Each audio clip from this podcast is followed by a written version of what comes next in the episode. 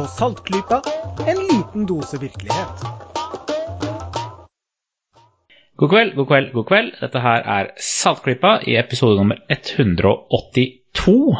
Eh, når vi tar opp dette her, så er det slutten av mars 2019. Det er den 27. mars. Eh, jeg heter Bendik, og med meg i panelet i dag så har jeg med meg Lisha. Hallo, hallo. Jeg har med meg Jørgen. Det er en glede å være her. Og vi har også med en uh, eminent gjest i dag. Han heter Per Espen Stoknes. Du kan få lov å si hallo.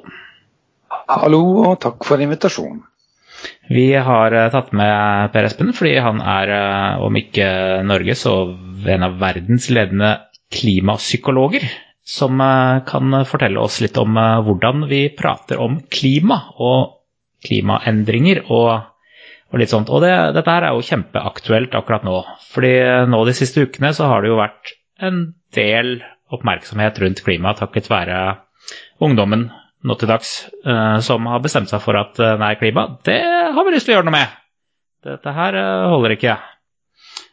så da tenkte jeg bare å, å, spille ballen over og si gjør de dette på riktig måte? Er dette en god ting blir det, blir det resultater av at, uh, at skoleelevene prøver å så panikk uh, og bare brenne i gang med, med aksjoner og uh, protester? Ja, om det blir resultater, det gjenstår jo å se, da. Men ett resultat har allerede kommet, og det er at de har klart å sette dagsorden på det her på en ny måte. Og de har også levert historiens, menneskehistorien, skal vi si, aller største koordinerte demonstrasjon er jo et uh, resultat. Så kan man selvfølgelig stille spørsmål ved hvordan det gjøres. Um, og Der må jeg si at det er jo særlig jo Greta Thunberg, den 15-16-årige svenske jenta med Aspergers syndrom, hun er jo helt uh, hun, er, hun er et råskinn. altså Hun er en Pippi. Hun er Ronja Røverdatter og alt mulig sånt på en gang. Uh, og det hun gjør som er veldig spesielt, vil jeg si, det er at hun um, snakker om klima på en uh, måte som nesten ingen har gjort før. Uh, det er ikke fordi hun sier nye ting. Uh, for det hun sier, det så har, sier hun faktisk eksplisitt at det har jo forskere sagt i mange år. Ja. Og det er heller ikke det at hun er um, så veldig sånn karismatisk og, store ord og, og synger og forførende og sånt. Nei, helt stikk motsatt. Hun er ganske flat, rett og slett, og avmålt i, i, i uh, ansikt og, og toneleie. Mm. Det gjør noe å gå gjennom litt sånn retorisk analyse. Eh, siden Aristoteles så har jo retorikken da handla om eh, logos, e, eh, patos og etos.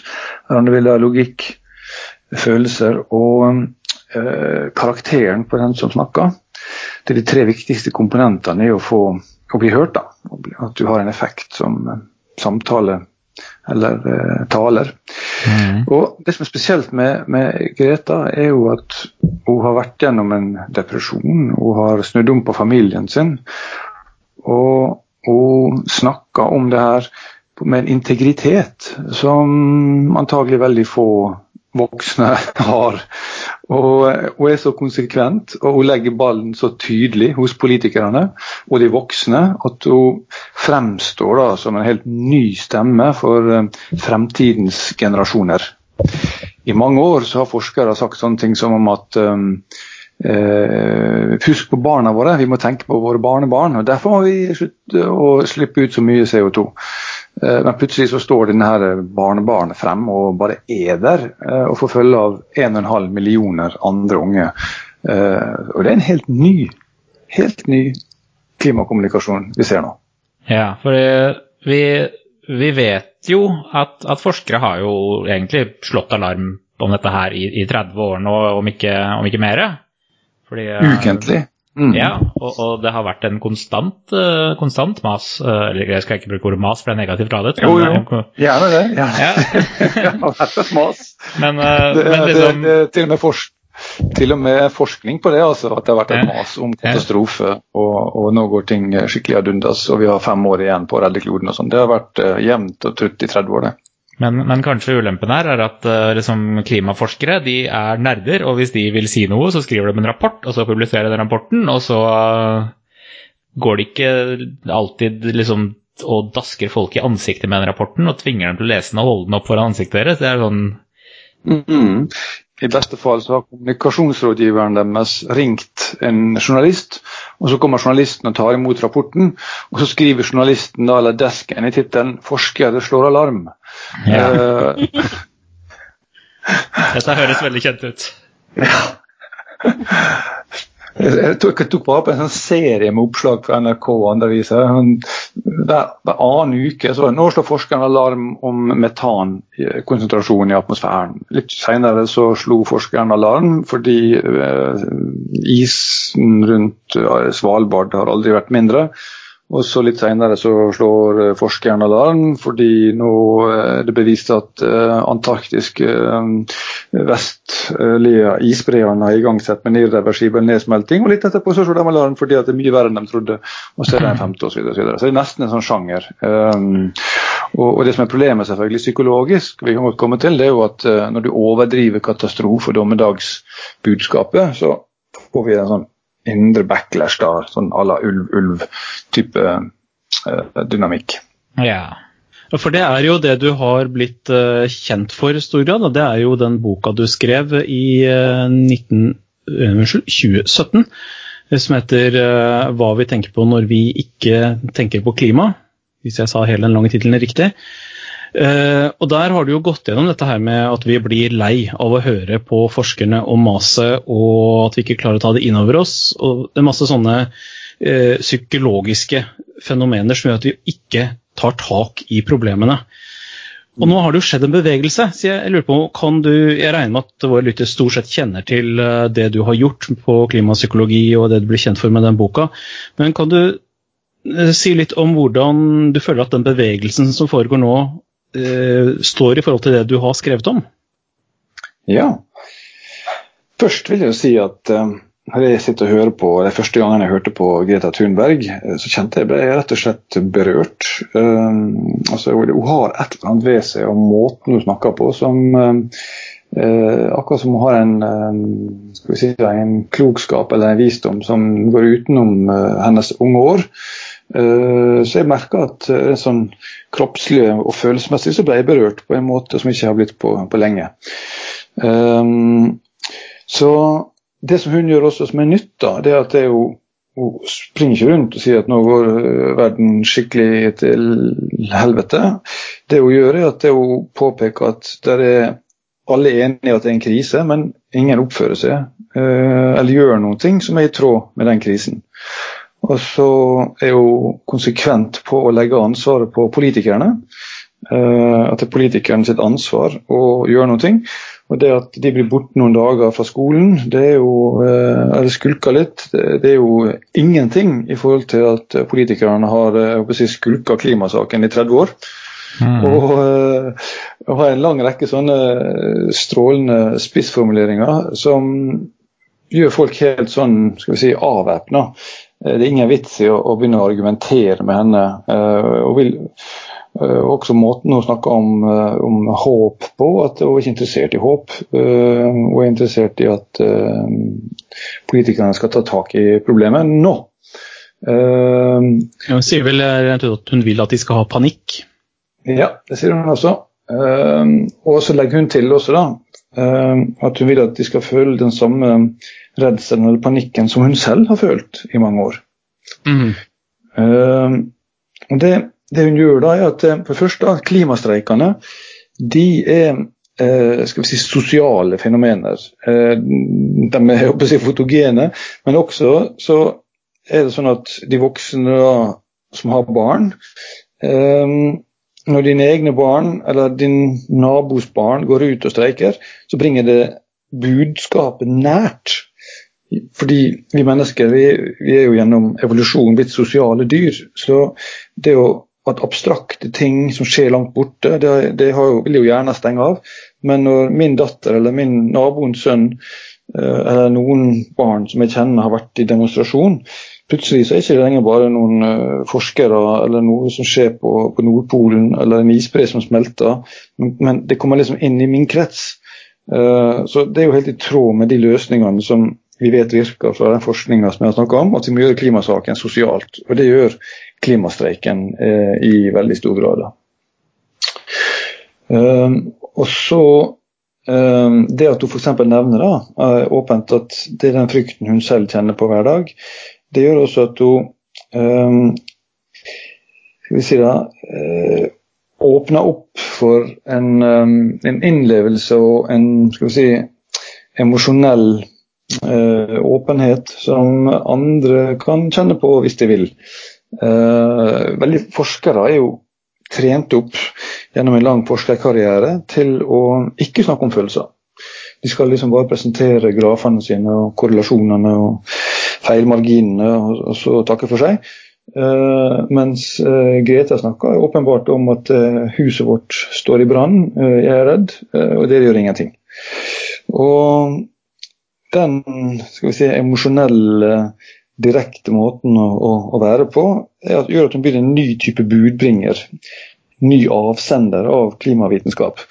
og det er også veldig bra at hun faktisk kan mye klimavitenskap. altså Hun har lest seg opp på det. Og mm. Ikke at hun prøver å belære andre med fakta, men hun sier bare at det eneste kravet vi har, det er at dere må stille dere bak vitenskapen. Ikke sant? Det er helt sånn uh, så Hun ber ikke folk skal tro på henne, men hun ber at, at politikerne skal ta den vitenskapen på alvor. Uh, det, det, si. Altså det, det en, uh, hun har funnet noen sånne nøkler som kommunikator som, uh, som baserer seg på de tingene som jeg har skrevet om. altså Historiefortelling, gjør det nært. Gi det et ansikt. La det være en annen avsender enn de forskerne selv. Og, og, at det blir da noe som kjennes gjennom klimastreiken som noen som angår den, min krets. Mm. Så det, det, er noen av de tingene jeg ser i den nye klimakommunikasjonen. Um, og så er spørsmålet er dette her tilstrekkelig. Uh, er det nok til å sette i gang et sosialt uh, tipping point? Uh, kanskje skal jeg spille ballen over til dere nå. Hva tror dere? Uh, er dette her noe som kommer til å rulle og rulle og bli større og større, eller er det en blaff? Det er jo vanskelig å si. Eh, det som jo har eh, slått meg, er eh, at det har ferd med å, å, å, skje ting på det politiske plan. Om det er nok til at det leder fram, det er jeg usikker på. Men vi har jo i USA så har vi hun eh, Alexandria Octasio Cortez? Ja, som er stjerneskuddet for demokratene. Som jo har nå foreslått denne The Green New Deal, som prøver å få gjennom. Um, om hun lykkes er jo fortsatt et åpent spørsmål, men det er jo helt åpenbart at dette har kommet i kjølvannet av skolestreikene. Ja. ja. Og um, han uh, greske finansministeren, han Yaris uh, etternavnet Faroukis eller noe, um, han har jo også vært på i Sør-Europa med å få til en, en, grønn new deal for um, Europa også. Så, mm. så, det er klart at, uh, at disse her Eh, skal vi si, eh, klimaprogressive politiske kreftene eh, vil prøve å bruke de klimastreikene for alt det er verdt for å presse den politikken som vi jo vet virker. Um, ja. ja. Da er det jo en fare for at en slik bevegelse vil bli kuppet da, av andre krefter. Uh, og jeg må si jeg er ikke så optimistisk at dette kommer til å vare, for sånne ting det varer egentlig aldri. Og særlig når man ser at det legges så utrolig mye følelser og sånn i det. For det er faktisk ganske slitsomt mm. å være så gira på noe, så fokusert. Og når det gjelder akkurat Greta Thunberg, så er jeg litt bekymra, for hun blir hauset opp noe helt utrolig. Uh, er, I svenske medier så er det innflytelsesrike mennesker som har uh, Hun har blitt kåret til årets kvinne. Mm. Noe som jeg synes er rimelig spesielt, i og med at hun nettopp har fylt 16 år, og i alle andre sammenhenger så presses det veldig på at hun bare er et barn. Uh, så hun er jo faktisk ikke noen kvinne, og hun blir sammenlignet med uh, Noen sier at hun bør bli den neste statsministeren. Hun blir sammenlignet med Jesus. Oi. faktisk. Av toneangivende, innflytelsesrike personer i det svenske samfunnet.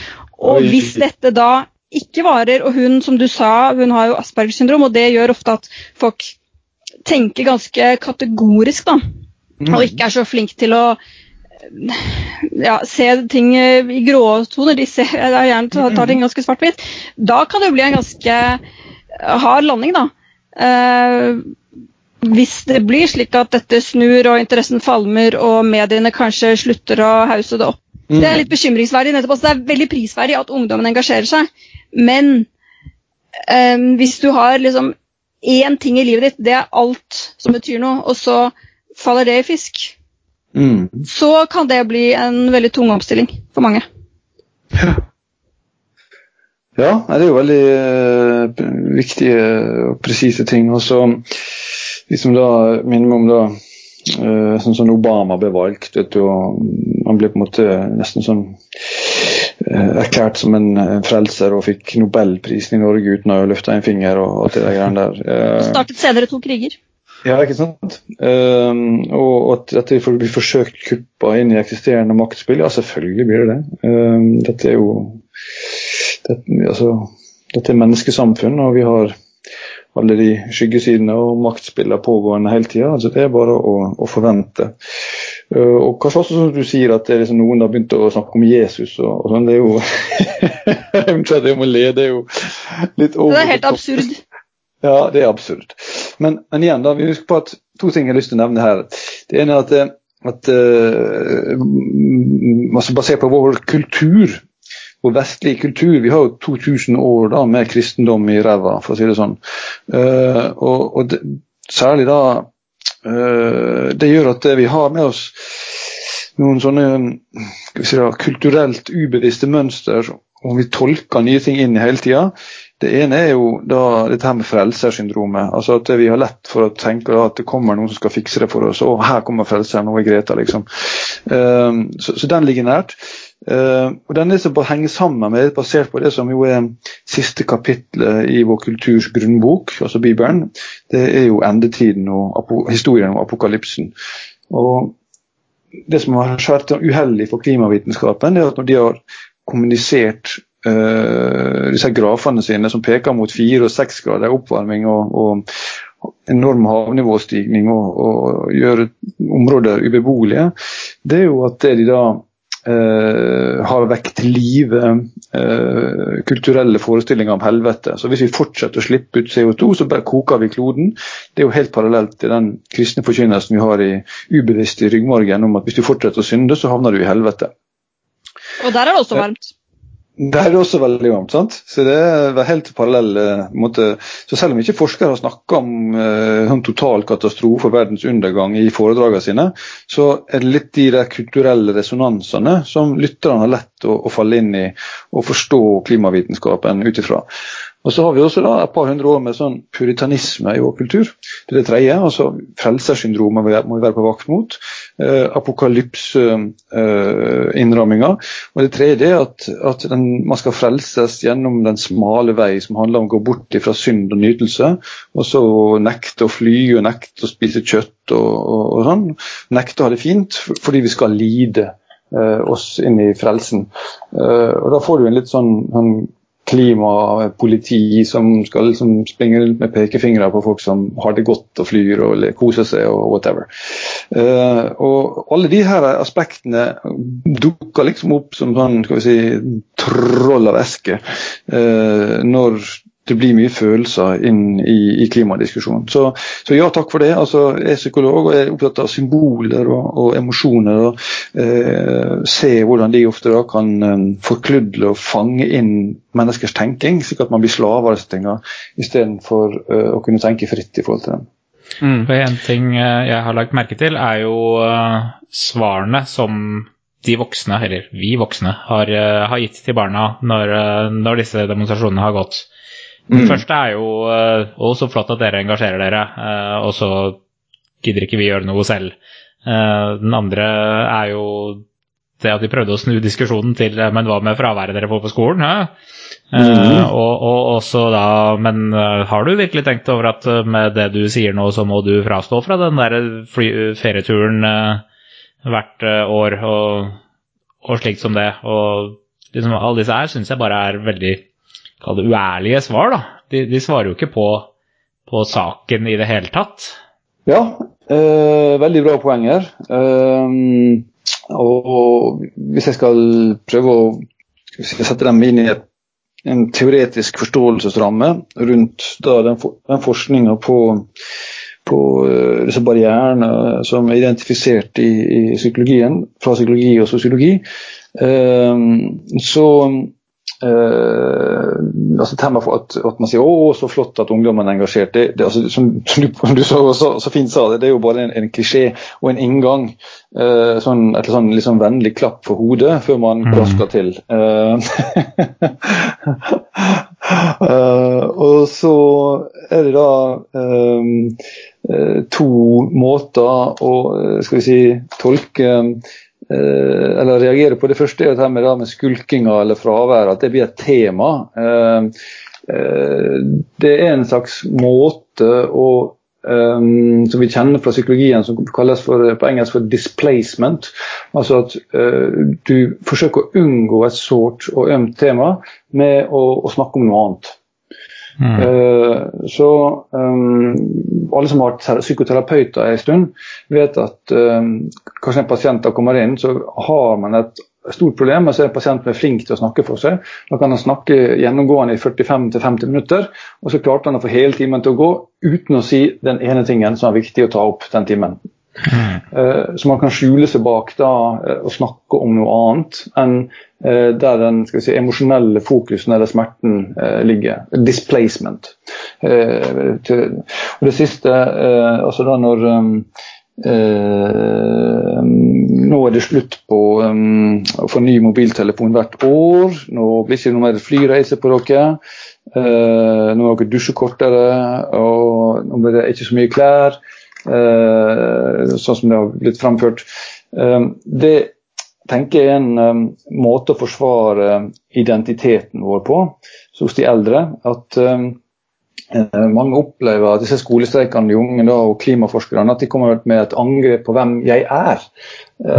Ikke på Eh, det handler ikke lenger om klimavitenskap som sådan. Det handler ikke om CO2 og energibalansen til jorda og havets opptak og for, forrykkelsen av økosystemene fordi at vann og temperatur eh, går ut i ukjente områder og invaderende arter og sosialt eh, svekkelse og sånt. Plutselig så handler det da om at eh, det er min livsstil som disse ungdommene er ute etter. Uh, og så vil jeg forsøke å forsvare den uh, med å nekte de, da, de godene som, som, vi har bygd opp uh, vår egen livsstil rundt, nemlig høyt forbruk, fossilavhengighet og, um, og ja statusting da, som, som mobiltelefoner og lange flyreiser. så dette handler ikke om, om verken eh, budskapet til Greta Thunberg om at politikere stiller seg bak eh, forskerne, eller om presisjonen på klimavitenskapen, eller om hva klimaendringene vil bety for samfunnet vårt. Plutselig handler det om at eh, nå har jeg behov for å forsvare meg. Mm. Og da er det oss mot dem, dessverre. Mm -hmm. Og Det har i hvert fall jeg sett veldig mye til. Veldig mange som kritiserer ungdommen for at de helt sikkert ikke har tenkt over alle den luksusen de nå må avstå. Um, men jeg, altså Vi snakker stadig om Greta Thunberg, men jeg vil jo også minne om at uh, det er jo ikke hun alene lenger. Det er jo mm. mange andre. Og her i Norge har vi et eksempel med en som heter Agnes Lægreid på 13 år, som var på nyhetene her etter uh, demonstrasjonene, og som snakket veldig godt for seg. Uh, og jeg synes Det er særlig et øyeblikk der som jeg syns var veldig klart og tydelig. Da det, blir hun spurt om uh, ungdommen vil ofre moro og reise eh, for klima. Og hvorpå da Agnes svarer klart og tydelig det er et teit argument. Hvem bestiller studieferiene? Det er ikke oss. ja, jeg så den der.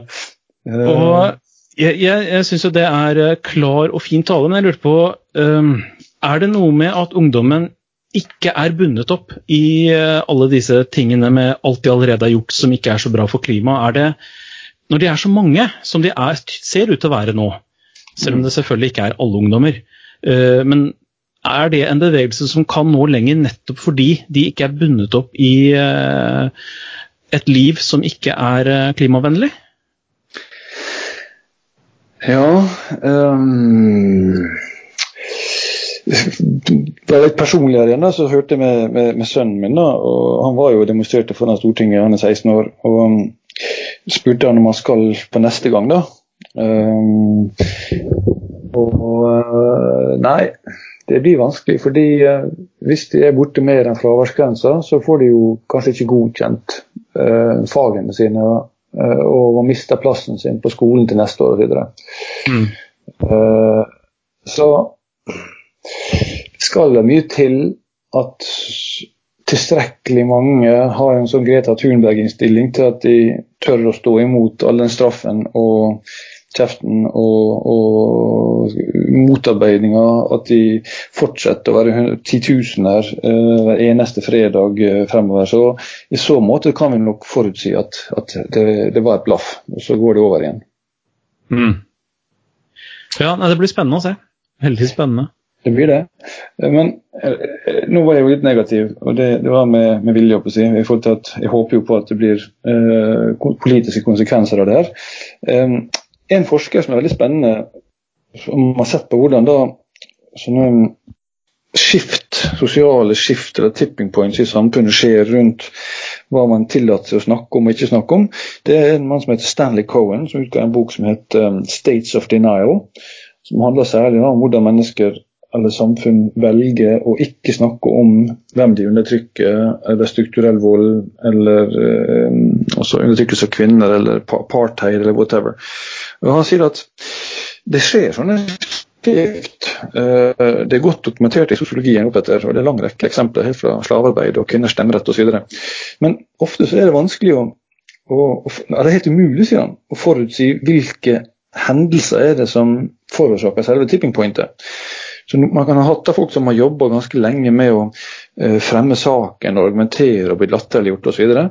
Uh, og så skjer det noen ting på et eller annet tidspunkt. Uh, ta eksempel Vietnamkrigen i USA, som han analyserer. Det var stor krigsmotstand, men de ble latterliggjort og ansett for å være upatriotiske og, og uansvarlige og, og, opprørske og sånn. Og så kommer det ett bilde plutselig fra Vietnam. Det var en fotograf som fanga en jente som løper nedover fra en napalmbombing med ødelagt hud mot oss inn i kamera, liksom. Ja, det, ene bildet, ja, det ene bildet var liksom da det skjedde en slags sånn, en sånn krystallisering, en overmetta væske. altså Plutselig så var det liksom bare åh, da ble det vanskeligere og vanskeligere å argumentere for en fortsettelse av Vietnamkrigen etter at det bildet begynte å trenge inn i folks bevissthet. Um, det bildet var selvfølgelig ikke planlagt. Det var tilfeldig at en fotograf var der og tok akkurat det bildet. Det, det, men likevel så fikk det en enorm stor tipping point-effekt. Uh, litt tilsvarende hadde jeg etter Syriakrigen, der um, mange millioner mennesker har på, på flukt av borgerkrigen en stund. Men de var langt borte fra oss her i Europa og i verden, eller i Norden. Og så kom det et bilde av han der treåringen som lå med ansiktet ned og hadde drukna på flukten. og En stor politimann løfta han opp og bærer i land liksom en død treåring. Du føler at dette kunne vært ditt barn. liksom. Og Plutselig så åpna det seg eh, eh, vilje til å ta imot mange flyktninger som ikke har vært der før. Og Så er det problemet etter det igjen, selvfølgelig. Jeg sier ikke det, men det jeg sier er at det som da bestemmer hvorvidt man får en sånn sosial tipping point eller ei, det er ikke noe vi kan matematisk regne oss fram til, om det er 25% eller 45% av velgermassen. Men at det kan være litt sånn absurde, overraskende, øh, øh, sære ting som skjer. Uh, og Det har jo leka meg litt med det bildet med Greta Thunberg, som er da gjerne 15 år og Aspergers syndrom. Uh, hvem hadde kunnet forutsatt at det skulle bli en kraftfaktor uh, eller kraft, kraftig inngang til internasjonal klimadebatt, liksom? Um, ja, det var, ville ikke vært noen sånn PR-fokusgruppe som noensinne ville komme på at det vil være det perfekte symbolet. nettopp! nettopp. Eh, og så kommer da sånne overraskelser. og Historien er jo, er jo da ganske full av dem. Eh, men, men, det vi hører om, det er selvfølgelig de, de enkeltepisodene som faktisk blir til et sosialt tipping point. da. Det har vært mye sære ting som ikke er tilstrekkelig til at det blir sosialt tipping point. Det er blaff, og så går det over. Og Det er derfor det, jeg deler deres skal vi si, fascinasjon, men også avventende holdning. å se, ja, Det blir spennende å se hva, hva, hva kommer egentlig ut av det her. Uh, Da vil jeg kanskje avslutte med å gå tilbake til begynnelsen og si at det som har kommet ut av det, er faktisk verdens største klimademonstrasjon, med 1,5 millioner mennesker som er ute i gatene. Og yngre mennesker som demonstrerer på vegne av fremtidige generasjoner. Bare, bare det i seg sjøl er, er, fantastisk. Mm -hmm. Kan jeg skyte inn en uh, bitte liten historie om et faktisk tipping point? Jeg vet ikke om dere fikk med dere det, men det skjedde et eller annet gang i fjor, tror jeg det må ha vært. Kanskje for et år siden. Hvor, uh, for jeg har jobbet i butikk selv mens jeg studerte, og jeg er, alltid, er sånn som alltid har med meg bærenett. Ja. Så jeg har alltid mm. vært veldig irritert over sånne butikkansatte som bare spør skal du ha en pose selv om du kjøper en ting som er så liten at du kan ha den i lomma, eller du har tre poser fra før. Uh, det er så unødvendig. Det blir bare mer plast. Og jeg vet også da, siden jeg jobbet i butikksnakk, så vet jeg at det koster faktisk noe for butikken å gi bort disse posene. Og nå hadde vi jo blitt vant til at i matbutikker så har det nå i det begynner å bli noen år at vi har måttet betale for posene der. Men i alle andre slags butikker, klesbutikker, bokhandler, gavebutikker, alle mulige andre butikker, så har det gitt med pose uten at det koster noe. Men så, i fjor en gang, helt plutselig, så det gikk på nærmeste eh, kanskje to uker, så var det ikke noen butikker overhodet som ga ut gratisposer lenger. Helt plutselig så var det sånn overalt. Vil du kjøpe meg en pose? De hadde lapper på kassaapparatet hvor det sto 'stor pose, to kroner, liten pose, én krone'. Mm. Og nå er det sånn overalt. Nå er det ingen steder hvor du får gratis pose. Selv om for halvannet år siden så fikk du det egentlig overalt, bortsett fra i matbutikker. Og det skjedde kjempeplutselig. Det var et, Av en eller annen grunn da, så var det et tipping på der at plutselig så begynte alle forretninger å gjøre det på den måten. Hvis jeg skal tippe litt der, så kan jeg fra tidsrommet du nevner, så var ikke jeg så lenge etter oppstyret rundt den der plasthvalen. Ja, vet du hva, det kan ha hatt med det å gjøre. Ja. Da, eh, da var jeg litt i politikken, og, og det var, ble liksom en voldsom oppmerksomhet. Plutselig skulle alle partier eh, være opptatt av å bekjempe plast og engangsplast. Ja. Eh, det var fordi de så at det var en sånn sosial tipping på en bølge som gikk gjennom, og så heiv folk seg rundt og, og, tok tak i det. og Da kan jeg godt tenke meg at, at ja, veldig fint det du sier der. Altså. Det eksemplifiserer nettopp det, det, det som skjedde i, i, i, etterkant av uh, den enorme sympatien vi alle følte med den hvalen. Ja, og det, det er sant du sier det, for det hadde jeg faktisk ikke tenkt på, men det kan nok godt kobles gjennom det. For det, som, det er ikke kommet noe det er, Politikerne har ikke gjort noe. Det er jo noen land hvor det nå er forbudt med plastposer. Uh, Kenya var vel det første. Uh, og der kom det gode argumenter med at noen som eide fabrikker som lagde plastposer, da, klagde jo på det. Men hva skal vi gjøre nå? Jeg må gi alle arbeiderne sparken, og det er jo tragisk. Folk mister jobben. Da sa politikerne men da får dere lage noe annet. Dere lagde jo noe annet før det kom plastposer. Nå får dere lage noe annet, finne på noe nytt å lage. Uh, men det, her skjedde ikke det. Politikerne har jo ikke gått ned og sagt at nei, nå må vi forby alle plastposer. Eller de har, noen har vel sagt det, men ingen har gjort det. Men allikevel så sluttet de med gratis plastposer. Kjempekort. Mm. Så sånne ting, og det, her er det jo sånn at det finnes ikke én ting som vi kan gjøre for å løse miljøproblematikken. Men det finnes mange små ting som må gjøres, og i de små tingene så kan det altså snu veldig plutselig. Men der har du meget mulig utløseren for det tipping pointet. Du har den hvalen. Det, det har du nok rett i. Skal ikke forundre meg. Så eh, er jo spørsmålet da, altså Dette handler om hvordan vi endrer Eh, det vi som kalles, da, sosiologene kaller for sosiale normer.